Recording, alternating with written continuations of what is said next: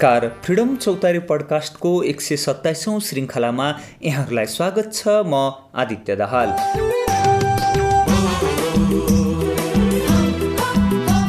आज हामी दिगो विकास लक्ष्य हासिल गर्न अथवा दिगो विकास लक्ष्य प्राप्तिका लागि सूचनाको हकको महत्त्व कति छ भन्ने विषयमा केन्द्रित रहेर यसबारे चर्चा गर्दैछौँ। आजको छलफलमा हुनुहुन्छ वरिष्ठ पत्रकार तथा सूचनाको हकको विज्ञ तारानाथ दाहाल राष्ट्रिय सूचना आयोगका प्रमुख सूचना आयुक्त महेन्द्रमान गुरुङ र सूचनाको हकको लागि राष्ट्रिय महासङ्घका अध्यक्ष उमेद बागसन्द सुनौ उहाँहरूलाई आजको फ्रिडम चौतारी पडकास्टमा।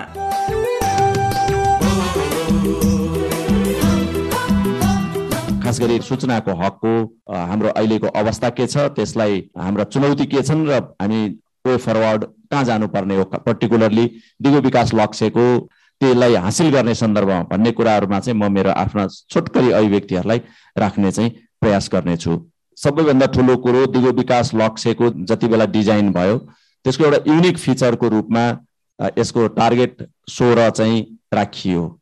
र हामीले गरिबीबाट मुक्ति पाउने कुरा संसारमा विकासका अनेकौँ समस्या र चुनौतीहरूलाई एउटा इन्डिकेटर बनाएर त्यसलाई हासिल गर्ने गरी समर्पित भएर सक्रिय हुने सन्दर्भहरूलाई यो दिगो विकास लक्ष्यको डिजाइन गर्दाखेरि एउटा नयाँ ढङ्गले सोचियो त्यो भनेको के हो भने आखिर चाहिँ गभर्नेन्स सुधार नगरेसम्म हामीले शिक्षाको लक्ष्य पनि हासिल गर्न सक्ने रहेनछौँ स्वास्थ्यका लक्ष्य पनि हासिल गर्न सक्ने रहेनछौँ गरिबी निवारणका लक्ष्य पनि हासिल गर्न सक्ने रहेनछौँ गुणस्तरीय सेवाको लक्ष्यहरू पनि हासिल गर्न सक्ने रहेनछौँ। जति पनि भौतिक उपलब्धिहरू हामीले हासिल गर्नुपर्ने छ ती सबै कुराहरू हासिल गर्नका लागि सबभन्दा पहिलो कुरा चाहिँ शासन प्रणाली नै राम्रो हुनुपर्ने रहेछ। शासन प्रणाली राम्रो नभएसम्म त्यो सबै विकासका लक्ष्यहरू चाहिँ हासिल हुँदो रहेनछ भन्ने अनुभव लाई यो दिगो विकास लक्ष्यले एक किसिमको आत्मसात गर्यो र लक्ष्य नम्बर सोह्रको यो डिजाइन नै त्यस हिसाबले भयो। त्यसले एउटा समग्रतामा शासन प्रणाली कस्तो हुनुपर्छ? एउटा शासन प्रणालीका लागि संस्थाहरू कस्तो हुनुपर्छ?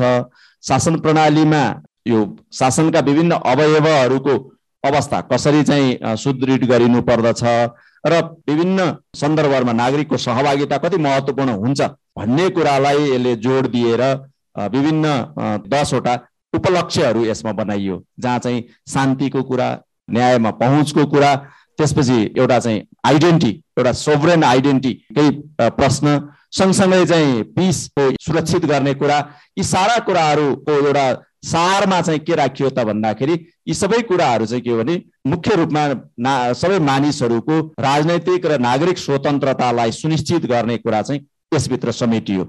र त्यो नागरिक हक अधिकार र स्वतन्त्रताहरू सुनिश्चित गर्ने यो विभिन्न लक्ष्यहरू निर्धारण गर्ने कुराको एउटा महत्त्वपूर्ण आयामको रूपमा चाहिँ फन्डामेन्टल राइट्सहरू कति त्यहाँ चाहिँ सुरक्षित छन् कति सुनिश्चित छन् कति प्रावधानका हिसाबले कति त्यसलाई राखिएको छ कार्यान्वयनको अवस्था तिनमा के छ र त्यसलाई कार्यान्वयन गर्नका लागि कस्ता किसिमका चाहिँ सरकारहरूले एउटा विभिन्न लक्ष्यहरू निर्धारण गरेर कामहरू गरिरहेका छन् भन्ने कुराहरू यसमा चाहिँ सुनिश्चित गरियो जस अन्तर्गत लक्ष्य नम्बर सोह्रको दस विशेष गरी त्यसले दुईटा आयामहरूलाई विशेष जोड दियो। एउटा चाहिँ स्वतन्त्र प्रेसको आयाम अर्को चाहिँ सूचनामा सर्वव्यापक पहुँचलाई सुनिश्चित गर्ने अभियान। हरेक मानिसलाई सूचनामा सहज पहुँच सुनिश्चित गर्ने विभिन्न तरिकाहरूबाट। संवैधानिक कानुनी र कार्यान्वयन सुनिश्चितताले मात्र होइन कार्यान्वयनको हिसाबले भन्ने कुरालाई पनि यसमा राखियो र यसको सारमा के हो त भन्दा मानिसहरूलाई बोल्न पाउने स्वतन्त्रता छ कि छैन? मानिसले राम्रोसँग चाहिँ यो एउटा निगरानीकर्ताको भूमिका गर्न सक्ने गरी आवाज यिनीहरूको आवाज दिने माध्यमहरूको विकास सुनिश्चित गरिएको छ कि छैन? अथवा त्यसलाई विकासको एउटा छोड्नै नहुने आयामको रूपमा स्वीकार गरिएको छ कि छैन? र त्यसभन्दा पनि महत्त्वपूर्ण कुरा चाहिँ समाजलाई एउटा पारदर्शी खुला र जवाबदेही र उत्तरदायी बनाउने कुराको महत्त्वपूर्ण औजारको रूपमा रहेको सूचनाको हकको कार्यान्वयनलाई सुनिश्चित गरिने कुरा चाहिँ त्यसमा समेटिएको छ कि छैन भन्ने कुरा सारमा लक्ष्य नम्बर सोह्रको चाहिँ त्यसमा भएको हामी पाउँछौँ। र अब यसको सन्दर्भमा एउटा नागरिक पिपुल्स फोरमको एउटा सबैभन्दा मुख्य सरोकार रहनुपर्ने पनि लक्ष्य नम्बर सोह्रमै हो र त्यसमा पनि लक्ष्य नम्बर सोह्रको पनि दस चाहिँ अति नै संवेदनशील विषय छ जसले चाहिँ शासन प्रणालीको सुधार र राज्यलाई जवाबदेही उत्तरदायी बनाउने कुरा र समग्र शासन प्रणालीलाई चाहिँ एउटा ठिक बाटोमा हिँडाउने कुरा र नागरिकको सहभागिता त्यसलाई सुनिश्चित गर्ने कुरा अथवा न्यायमा पहुँच सुनिश्चित गर्ने कुरा अथवा शान्तिलाई सुनिश्चित गर्ने कुराहरू पनि मानिसको इम्पावरमेन्टसँग चाहिँ जोडिएर आउने हुनाले यो एउटा इम्पावरमेन्टको चाहिँ मुख्य कडी र मुख्य आधार मानेको हुनाले नै यसलाई एउटा लक्ष्यहरू एसडिजीमा राखियो। हामी सबैलाई थाहा छ कि हामी कहाँ चाहिँ हाम्रो नयाँ संविधानले नागरिक स्वतन्त्रतालाई सुनिश्चित गर्ने सन्दर्भमा धेरै राम्रा मौलिक हकहरूको प्रबन्ध गरेको छ। संविधानको धारा सत्रमा जुन छवटा आधारभूत स्वतन्त्रताहरू त्यसमा सुनिश्चित गरिएको छ कि मानिसहरूलाई विचार तथा अभिव्यक्तिको स्वतन्त्रता हुनेछ। मानिसहरूलाई राजनीतिक दल सञ्चालन गर्ने स्वतन्त्रता हुनेछ मानिसहरूलाई सङ्घ सङ्गठनहरू स्थापना गर्ने सञ्चालन गर्ने स्वतन्त्रता हुनेछ।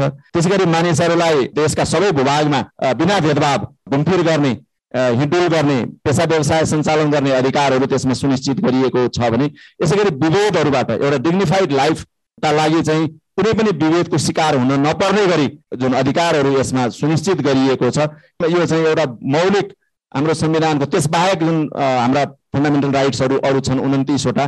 ती सबै फन्डामेन्टल राइट्सहरूको हामीले यदि सही रूपमा चाहिँ कार्यान्वयनतर्फ मुलुक अगाडि बढेन भने दिगो विकास लक्ष्यको यात्रा चाहिँ हाम्रो अधुरो हुन्छ। तर अहिले हाम्रो अवस्थाहरू के हेऱ्यौँ भनेदेखि हामी यो सात वर्ष भयो र हाम्रो नयाँ संविधान प्रोग्रामेटिक भएको पनि छ वर्ष भइसक्यो।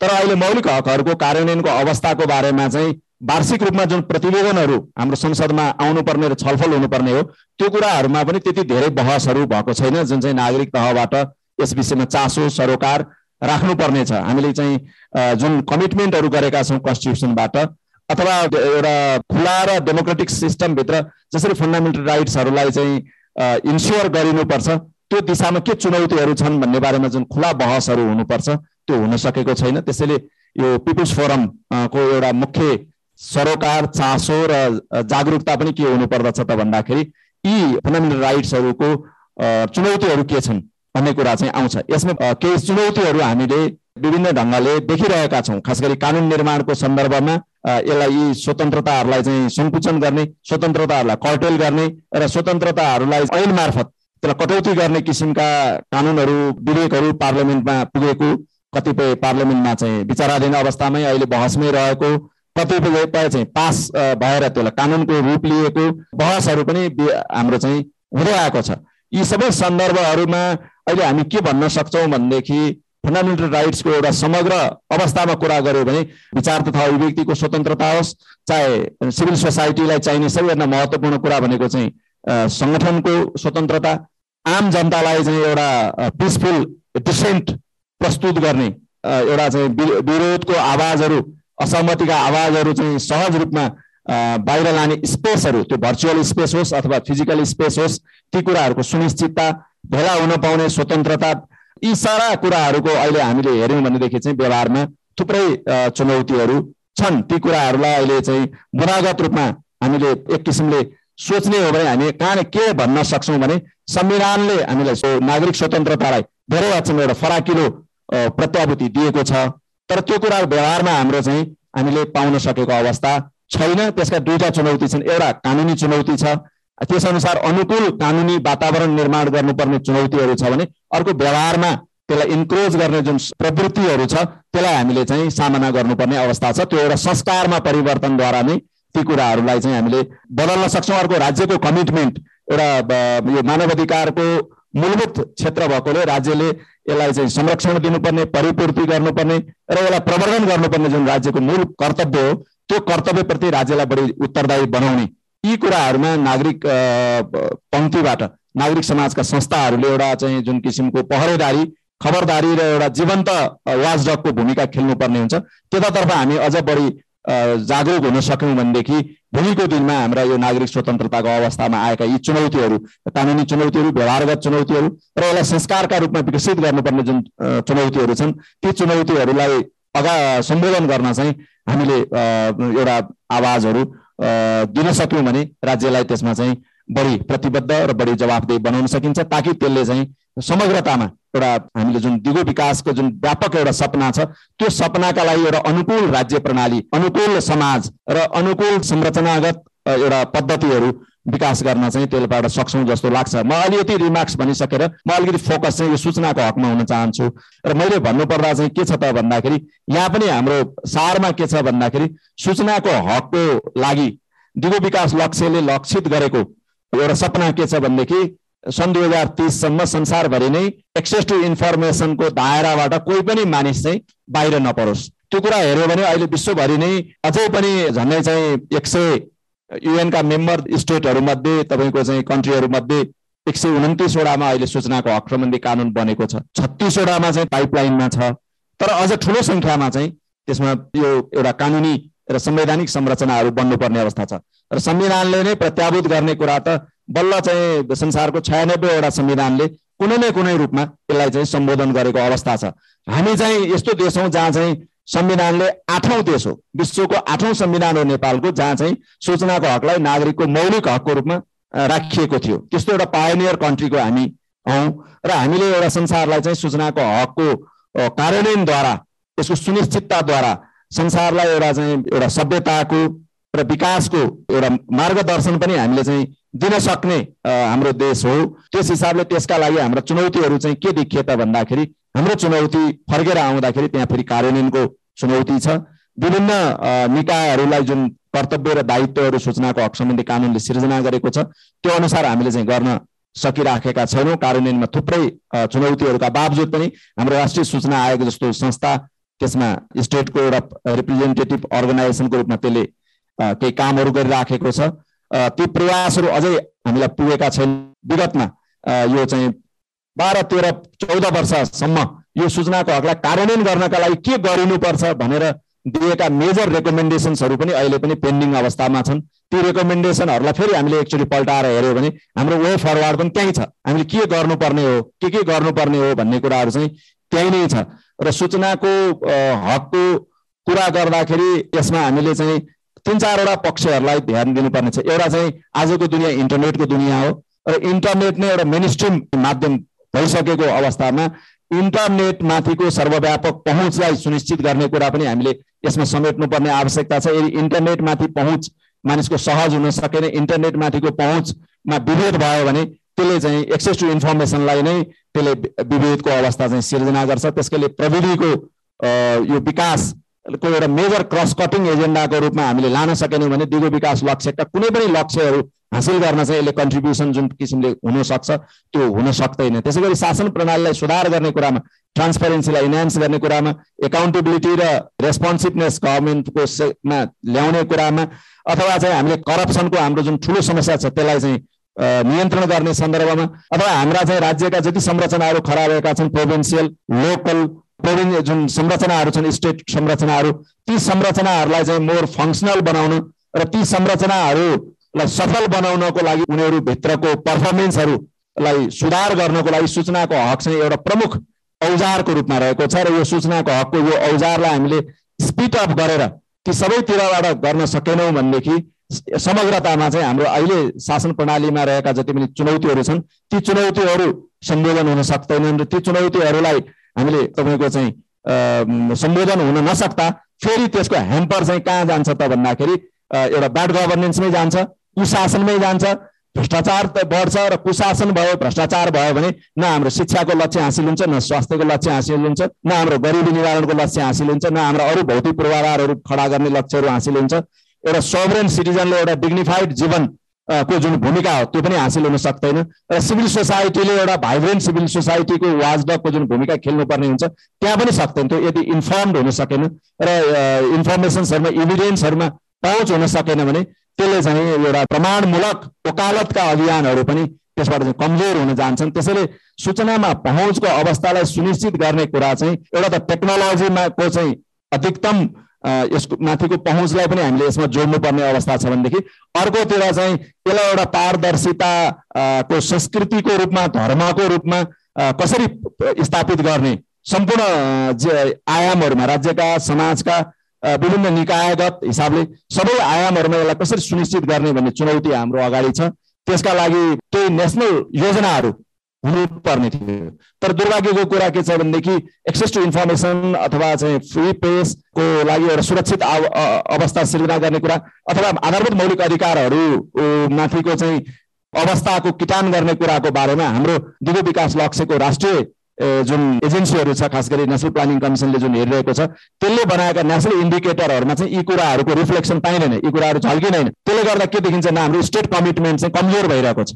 र स्टेट कमिटमेन्ट बढाउनको लागि पनि आजको हाम्रा यस्तै छलफलहरूले चाहिँ स्टेटलाई घचघचाउने हो। हामी हरेक वर्ष घचघचाइरहेका छौँ र आजको दिनले पनि त्यो आवाज पुगोस् सुनियोस् र राज्यले जुन पहल लिनुपर्छ यसमा यसमा चाहिँ लक्ष्यहरू हासिल गर्नका लागि एउटा स्पष्ट इन्डिकेटरहरू बनाएर त्यस अनुसारको योजना र कार्यक्रमहरू बनाएर त्यसका लागि स्रोतहरूको व्यवस्थापन गरेर त्यसमा सा नागरिक समाजसँगको पनि एउटा चाहिँ साझेदारीको वातावरण सिर्जना गर्नका लागि चाहिँ जुन दबावहरू हामीले दिनुपर्ने छन् जुन सुझावहरू दिनुपर्ने छन् आजको दिनमा चाहिँ नागरिक समाजको ध्यान त्यहाँ केन्द्रित हुनुपर्नेछ र यो पिपुल्स फोरमले त्यसमा केही उल्लेखनीय कन्ट्रिब्युसन गर्न सक्यो भने पक्कै पनि यो अवस्थाको सुधारका लागि चाहिँ धेरै योगदान पुग्न सक्छ र अबको बाटो पनि हाम्रो त्यही नै हो जस्तो लाग्छ।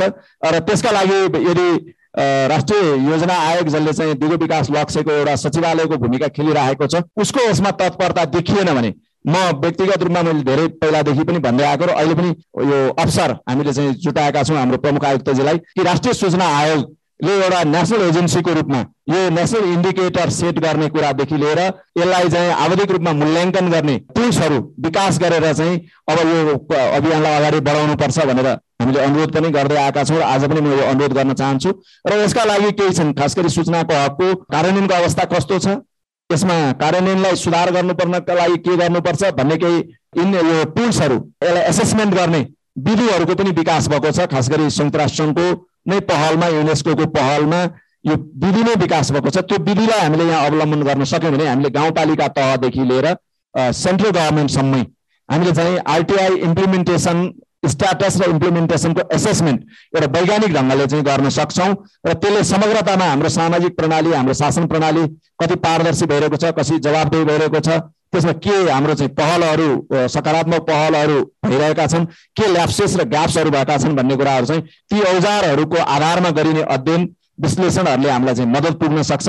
त्यो कुरा एडप्ट गर्न चाहिँ अब राष्ट्रिय सूचना आयोग अगाडि बढोस् भन्ने चाहिँ म अनुरोध गर्न चाहन्छु। अब सस्टेनेबल डेभलपमेन्ट गोलमा सूचनाको हक सम्बन्धी सोह्र दस दुईमा छ हामीले दुई पाटोबाट हेर्छौँ वास्तवमा भन्यो भने एउटा त आफैमा सूचनाको हक सम्बन्धी सोह्र दस दुईको चाहिँ कार्यान्वयन कसरी भएको छ भन्ने हेर्छौँ अर्को पाटो भनेको सोह्र दस दुईले चाहिँ अरू सस्टेनेबल डेभलपमेन्ट गोल्डका अरू इन्डिकेटरहरू अथवा अरू लक्ष्यहरू पुरा गर्नको लागि कसरी यसले सहयोग गर्छ भन्ने पाटोबाट हेर्नुपर्ने हुन्छ भन्ने मलाई लाग्छ हामीले पनि गत वर्ष चाहिँ यो international day for universal access to information भनेर युएनले चाहिँ सेप्टेम्बर ट्वेन्टी एटलाई चाहिँ डिक्लेयर गरेको सन्दर्भमा हामीले पनि गत वर्ष एउटा कार्यक्रम गराएको त्यसको फोकसै के थियो भने सिक्सटिन टेन टूलाई कसरी एचिभ गर्ने भन्ने बारेमा त्यो त्यो बेलामा कार्यक्रम गरिएको थियो। त्यो बेलामा तारा सरहरूले पनि थुप्रैले कार्यक्रम पत्र पनि प्रस्तुत गर्नुभएको थियो। अब अघि कानुन बन्नु र कानुन कार्यान्वयन हुनु अथवा बोल्नु र काम गर्नुमा पक्कै पनि फरक हुन्छ नै स्वाभाविक रूपमा हुने गरिरहेको छ भनौँ न। अब त्यो हुनपर्ने होइन तर हुने छ। अब सिक्सटिन टेन टूमै फोकस हुन्छु म चाहिँ। सिक्सटिन टेन टूको अब जुन एक्सिस टु इन्फर्मेसनको जुन चाहिँ इम्प्लिमेन्टेसन गर्नुपर्ने विषय छ वास्तवमा यो युनेस्कोले पनि के भन्छ र हामीले पनि भन्छौँ के भने यो यसको इम्प्लिमेन्टेसन भयो भने यसको प्रभावकारी कार्यान्वयन हुने हो भने वास्तवमा यसले ल्याउने भने दुई तिनवटा कुराहरू हुन्छन्। स्वाभाविक रूपमा यसले ल्याउने भनेको एकाउन्टेबिलिटी चाहिँ इस्टाब्लिस गर्छ यसले। सम्पूर्ण सार्वजनिक निकायहरूले एकाउन्टेबिलिटी इस्टाब्लिस गर्ने यसले। कसरी गर्छ त? भन्ने भने त्यो गर्ने भनेको के भने पार्टिसिप यो सिटिजनको ओभरअल यो पब्लिक पोलिसी अथवा चाहिँ सार्वजनिक निकायहरूले प्रदान गर्ने नीति तथा कार्यक्रमहरूमा सहभागिता र इन्क्लुजिभनेस बढ्छ त्यसले गर्दाखेरि।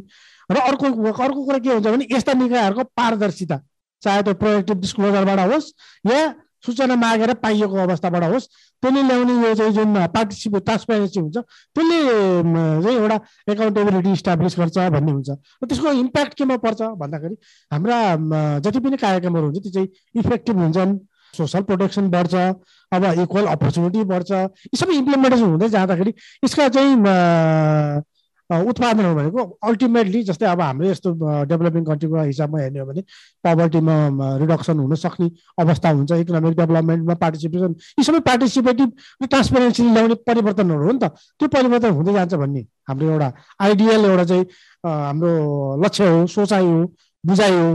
त्यो हेर्दै जाँदाखेरि अब त्यो कसरी भइरहेछ र हामीले के गर्दैछौँ भन्ने हिसाबमा हेर्ने हो भने अब हामीले हेर्ने भनेको सस्टेनेबल डेभलपमेन्ट गोलको हेर्ने हो भने राष्ट्रिय योजना आयोगले बनाएको फ्रेमवर्क हेर्नुहोस् नेपालको सन्दर्भमा त्यो फ्रेमवर्क भन्दा अरू चाहिँ गाइडिङ प्रिन्सिपल र गाइडिङ चाहिँ डकुमेन्ट भनेको अर्को छैन अब त्यही हेर्दै जा गत वर्ष पनि हामीले कुरा भन्यौँ त्यो कुरा है। अब के भ के छ के भन्छ त्यसले भने सिक्सटिन टेन टूको सन्दर्भमा त्यसको इम्प्लिमेन्टिङ एजेन्सीको र रिपोर्टिङ एजेन्सीको रूपमा चाहिँ प्रधानमन्त्री तथा मन्त्री परिषद कार्यालयले राखेको छ। र मैले यो हामी राष्ट्रिय सूचनामा पहिलोचोटि आएपछि हेरेँ कि मैले यसको यसको फेरि चाहिँ युएनले चाहिँ सिक्सटिन टेन टूको सन्दर्भ अथवा सिक्सटिन टेनकै बारेमा रिपोर्टिङको र मोनिटरिङको रेस्पोन्सिबिलिटी भनेको युनेस्कोले दिएको छ।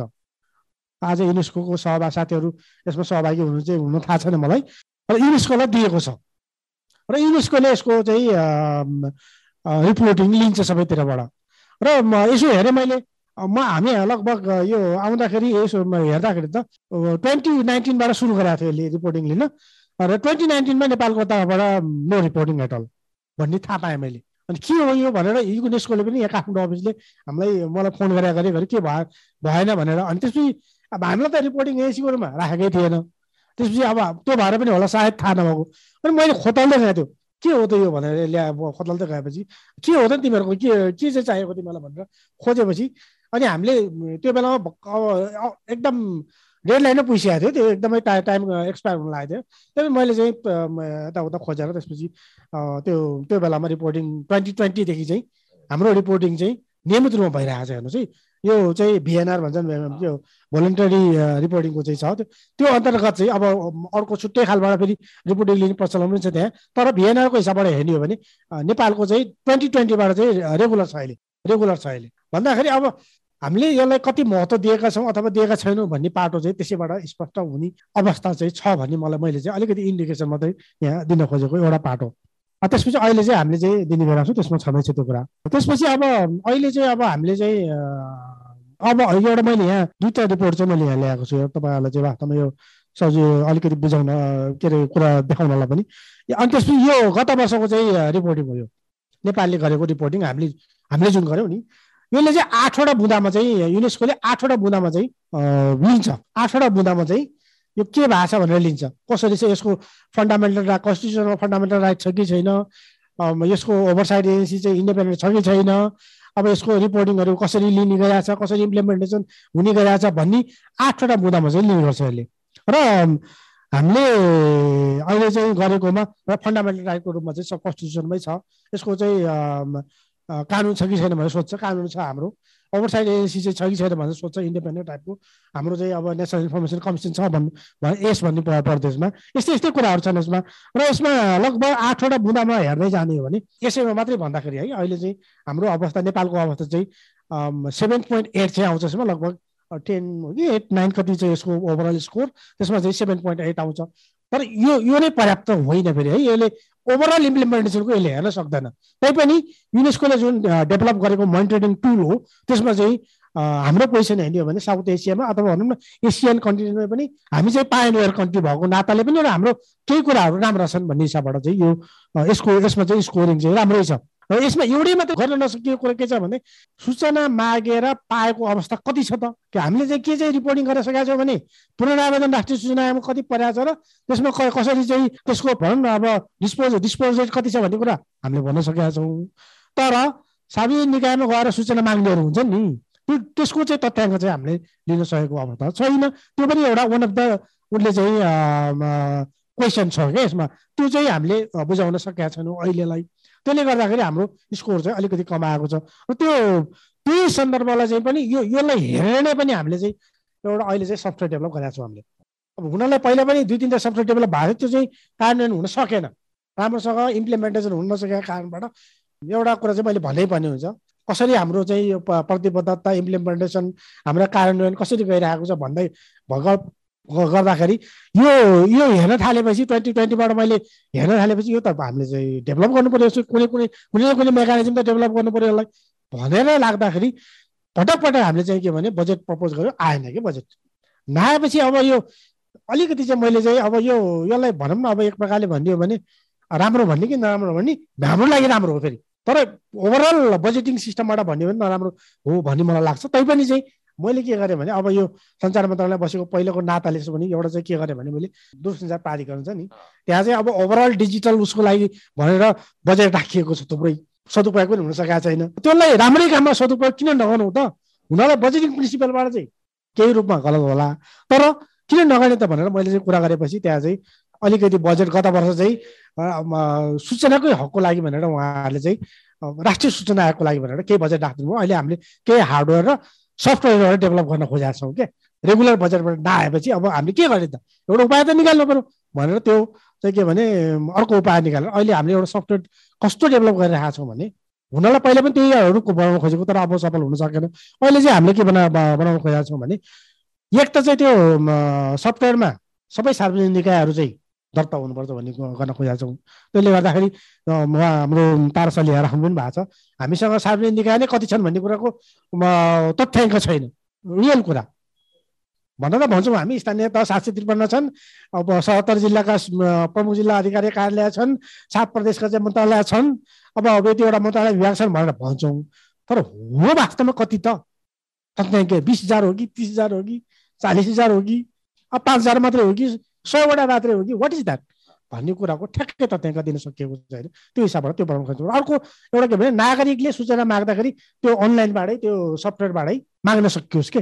र त्यो त्यो त्यो चाहिँ सार्वजनिक निकायले पनि त्यो सफ्टवेयर हेरेपछि हाम्रो निकायमा कतिवटा सूचना माग भएको छ र हामीले अब त्यो चाहिँ जवाफ दिएनौँ भने कार्यक्रमकोमा चाहिँ इमेलमा चाहिँ त्यो फ्ल्याग हुने हो कि कहाँ फ्ल्याग हुने हो? भन्ने सिस्टम राखेर त्यसपछि त्यो त्यसै त्यसैमा चाहिँ पन्ध्र दिन नआएपछि सात दिन नआएपछि अब सूचना आयोगमा पुनरावेदनको लागि पुनरावेदनको लागि चाहिँ क्लिक गर्न सकिने व्यवस्था भनौँ न। त्यो क्लिक गर्न सकेपछि अब सूचना आयोगमा त्यो आयो भने सूचना आयोगले सबै कागज माग मागिराख्न पर्दैन नि त। कुनै सूचना मागकर्ताले नागरिकता पहिले पेस गरिसकेका हुन्छ उनले सूचना मागेको विवरण पहिल्यै पेस गरिसकेका हुन्छ कागज प्रमुख अभिযোग गरेर सबै पेस भइसकेको हुन्छ भने त्यो डकुमेन्ट त अलरेडी सिस्टममा छ नि त। र त्यो अब त्यो अलिकति त्यो सबै अपडेटेड अटोमेटेड गर्ने त। अझै समय लाग्ला। तर तर चाहिँ के भने यदि त्यसो त्यो सिस्टमभित्र हामीले चाहिँ पुनरावेदनै आएको म्यानुअली आएको पुनरावेदनलाई पनि त्यो सिस्टमभित्र हाल्न सकियो भने एउटा राम्रो सुरुवात हुन्छ भनेर हामीले एउटा सुरुवात गर्न खोजेका छौँ। दोस्रो कुरा के गर्न खोजेका छौँ भने हामीले अहिलेसम्म भएका चाहिँ आठ दस हजार जति चाहिँ पुनरावेदनहरू छन् तिनीलाई सबै डिजिटाइज गर्न खोजेका छौँ क्या हामीले। हामी कहाँ भएको? पुरै फाइलै डिजिटाइज गरिदिने र त्यसलाई एउटा क्याटलगिङ गरेर सबैले एक्सेस हुने गरेर त्यसलाई एउटा चाहिँ सूचना आयोगले दिएको आदेश पुनरावेदन परेको र कार्यालयले दिएको जवाब समेत त्यहाँ चाहिँ डिजिटाइज गरिदिएपछि त्यो सबैलाई एभाइलेबल कस जसले जसले पनि हेर्न पाओस् न त्यो भन्ने हिसाबबाट हामी चाहन खोजेका छौँ। अब त्यो कति यो कसरी जान्छ भन्नेमा एउटा पार्टो चाहिँ अब हेर्नै पर्ने छ हामीले। त्यसपछि एउटा अर्को चाहिँ रिपोर्ट पनि छ यो युनेस्कोले यसरी चाहिँ रिपोर्ट यो सबैको सङ्कलन गरेपछि रिपोर्ट निकाल्ने गर्छ। त्यो रिपोर्ट ल्याटेस्ट चाहिँ मेरो हातमा छ उहाँ तपाईँले पनि त्यो यो के अरे आर्टिकल नाइन्टिनको चाहिँ रिपोर्ट भन्नुभएको थियो। यो चाहिँ ठ्याक्कै सिक्सटिन टेनमै बसेर सिक्सटिन टेन टू टूमै बसेर यो युनेस्कोले एउटा रिपोर्ट निकाल्छ। एउटा यहाँ जानकारी दिनु पर्दाखेरि यसले चाहिँ के भन्छ भने एक सय बत्तिस अहिले चाहिँ एक सय बत्तिस राष्ट्रले चाहिँ सूचनाको हक सम्बन्धी कानुन बनाइसकेका छन्। र यसले पनि एउटा कुरा के सबै कुरा राम्रो भन्दै जाँदाखेरि एउटा कुरा चाहिँ के भन्छ भने यो रिपोर्टिङ र रेकर्ड किपिङ चाहिँ राम्रो अझै पनि भएको छैन। त्यो नेपाल मात्रै होइन धेरै देशमा त्यो हुन नसकेको कारणबाट त्यसमा चाहिँ इम्प्रुभमेन्ट गर्नुपर्ने आवश्यकता देखिन्छ भन्छ। अर्को चाहिँ के भने यस्तै ओभरसाइड एजेन्सीहरूको चाहिँ नेटवर्क बनाउनुपर्छ राम्रो हुन्छ। त्यसबाट एक्सपिरियन्स सेयरिङ गर्न गर्छन् र त्यसले इम्प्रुभमेन्ट गर्न चाहिँ सजिलो हुन्छ भन्ने एउटा ल्याएको छ। अब यी सबै कुराहरू यसले भन्दै गएको कुरालाई एकत्र राख्ने हो भने अब अर्को पाटो चाहिँ के छ भने त्यसपछि हामीले अब के गर्यौँ भने अब अघि सूचना प्रविधिकै विषयमा कुरा गर्दै जाँदाखेरि हामीले के गर्यौँ भने अहिले हामीले चाहिँ दुईवटा कुरालाई चाहिँ एक्टिभ बनाउन खोजेका छौँ। र अलिकति एक्टिभ भएको छ भन्ने मैले मलाई चाहिँ विश्वास छ भन्ने लाग्छ।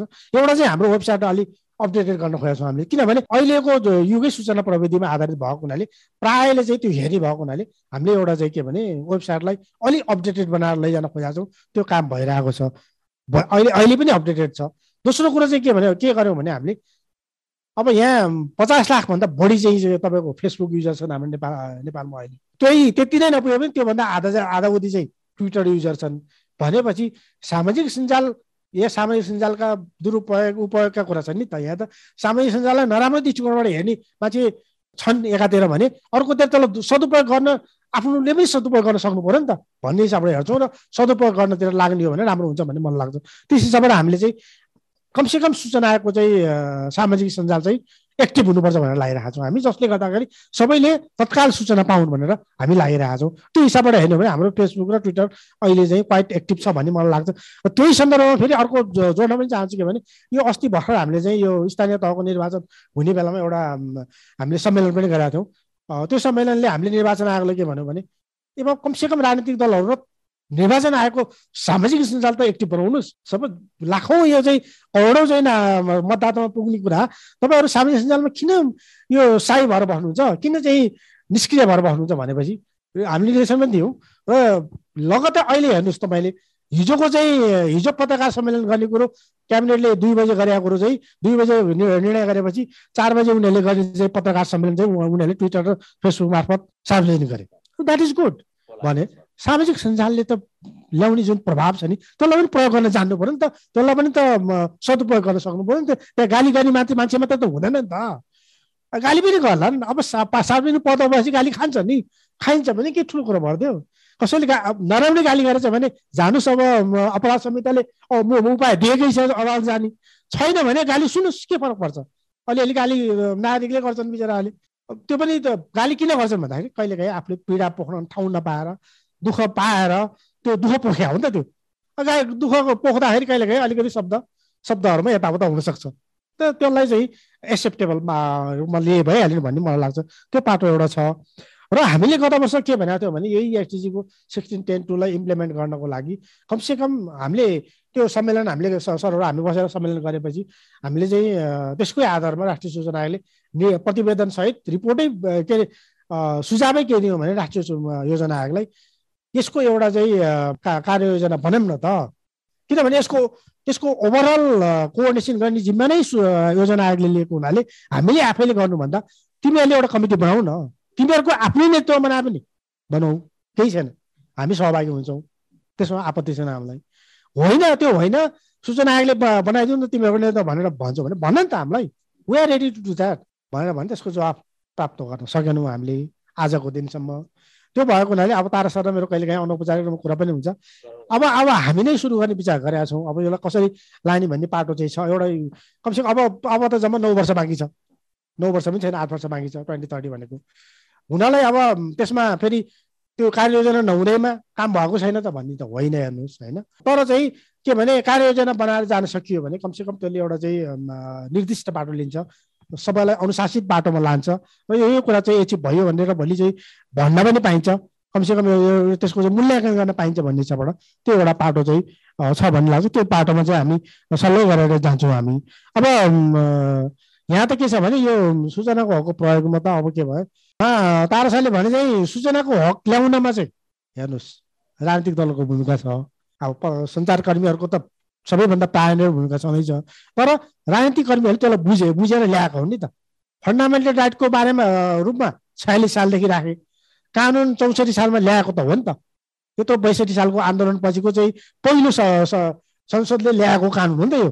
त्यो हिसाबबाट त प्रतिबद्धता रहेछ।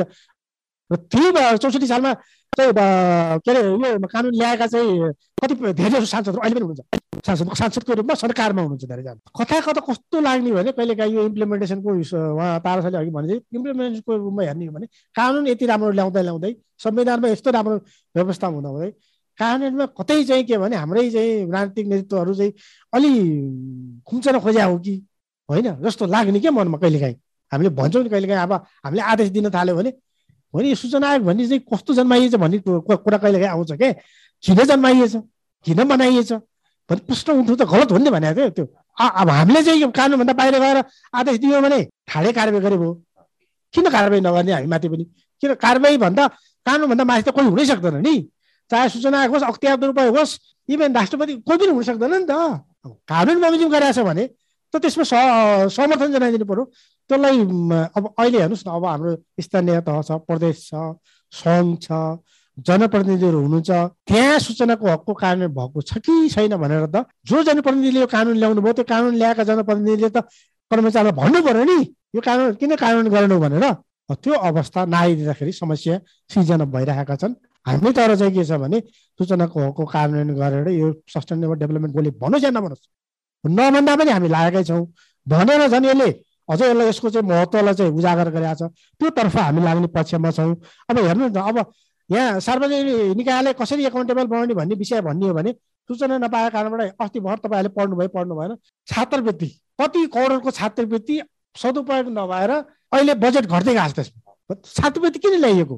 गरिब नसक्ने व्यक्तिहरूको लागि छात्रवृत्ति ल्याइएको हो नि त। त्यो छात्रवृत्तिको सदुपयोग हुने हो भने यहाँ लाखौँ विद्यार्थीले चाहिँ अवसर पाउँछन् र त्यो अवसरबाट चाहिँ उनीहरूको एका एकातिर उनीहरूको चाहिँ इम्पावर हुन्छन् भने दोस्रो पाटो भन्ने हो भने कहीँ न कहीँबाट पवर्टी रिडक्सन र इन्क्लुजनमा सहयोग पुग्छ नि त्यसले त। सस्टेनेबल डेभलपमेन्ट गोलका अरू लक्ष्यहरू पुरा गर्छ नि त्यसले शिक्षाका स्वास्थ्यका सबै लक्ष्यहरू पुरा गर्नमा सहयोग पुऱ्याउँछ नि त। भन्दा त्यो छात्रवृत्तिहरू त खेर गएको। किन खेर गयो त भन्दाखेरि त्यसको टार्गेटेड नागरिकमा पुग्न सकेनौँ हामी। छात्रवृत्ति पनि कसले लिन भन्छ? तपाईँ हामी विद्यार्थी भयो भने हामी लिन्न भन्छौँ।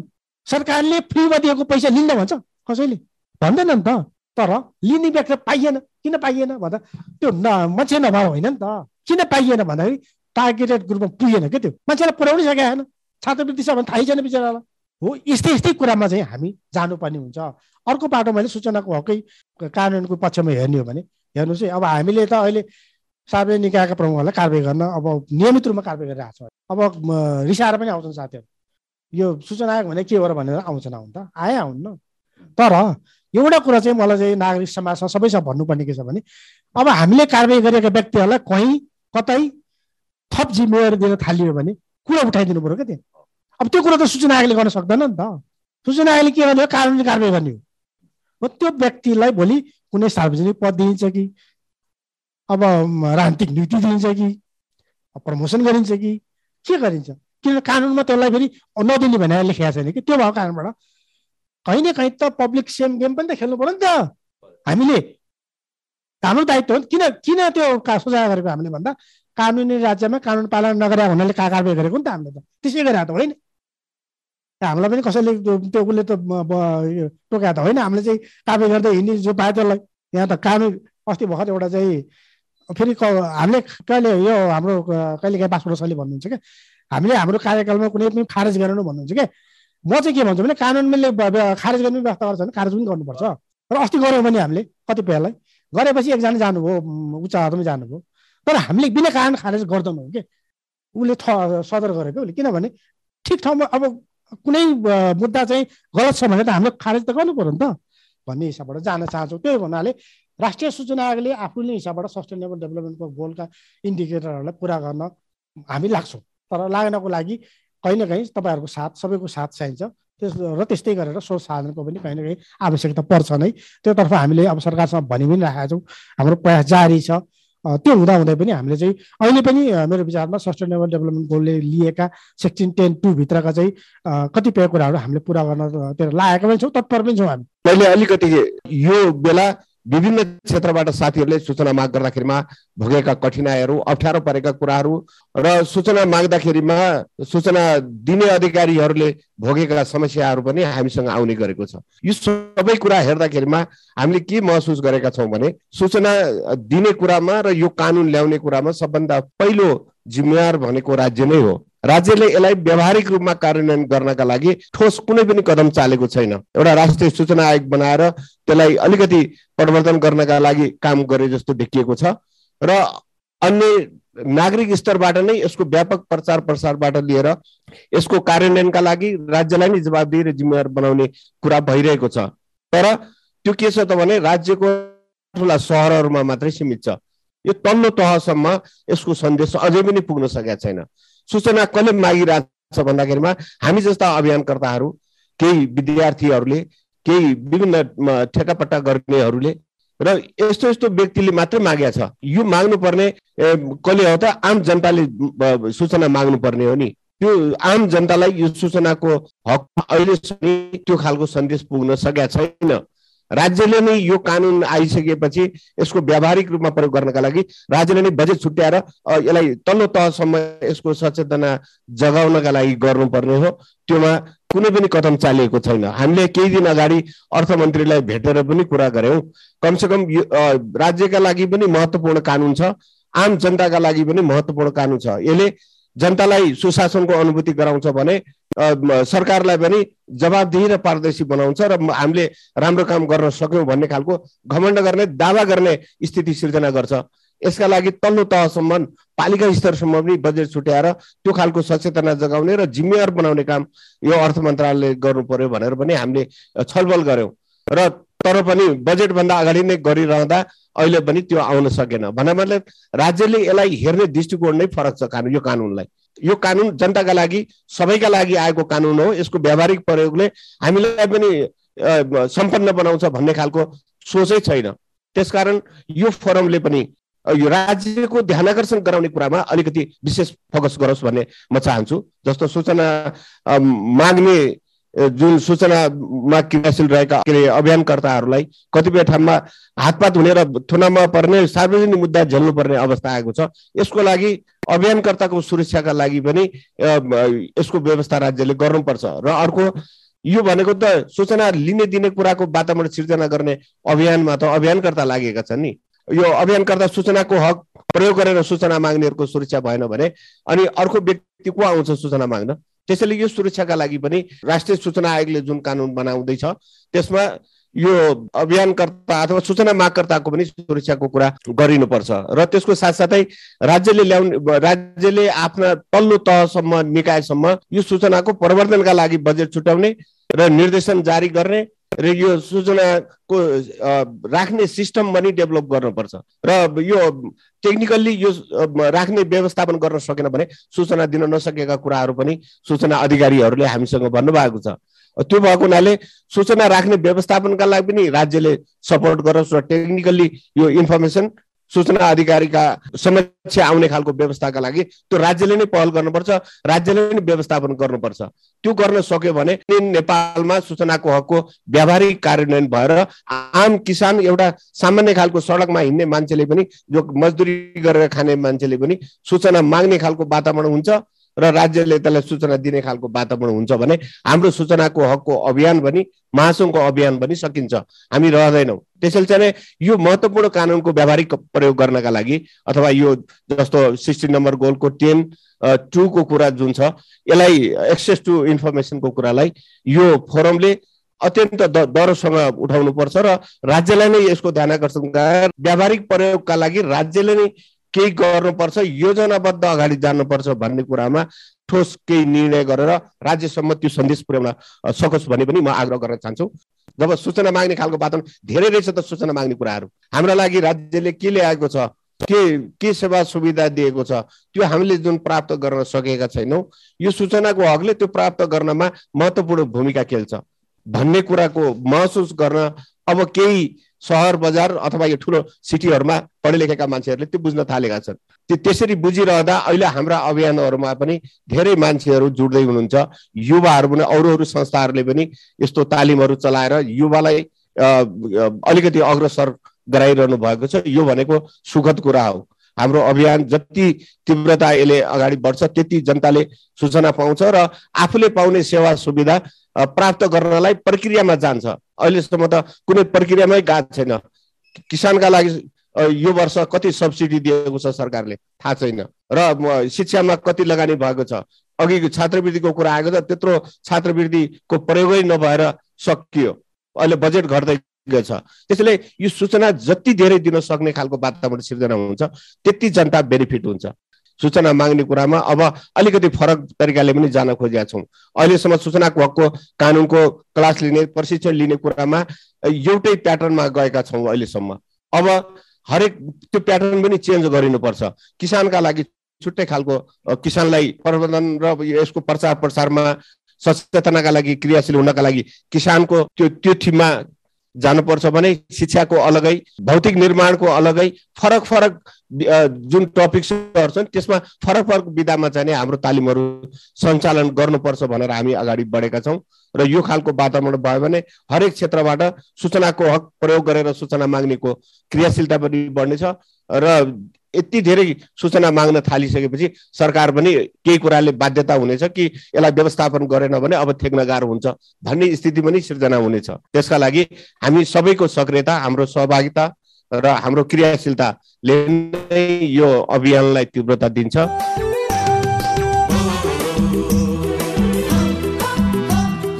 दिगो विकास लक्ष्य प्राप्तिका लागि सूचनाको हकको महत्त्व के छ भन्ने विषयमा तयार पारिएको पडकास्ट यहाँहरूलाई प्रभावकारी नै लाग्यो होला। यस विषयमा तपाईँहरूको केही सल्लाह सुझाव र प्रतिक्रिया छन् भने फ्रिडम फोरमको टेलिफोन नम्बर चार दस बिस बाइस र email freedom forum two thousand five at the rate Gmail dot com अर्थात् एफआरइइडिओएम एफओआरयुएम two zero zero five at the rate Gmail dot com मार्फत पनि प्रतिक्रिया पठाउन सक्नुहुन्छ। आजको पडकास्टबाट म आदित्य दाहाल बिदा चाहन्छु। नमस्कार।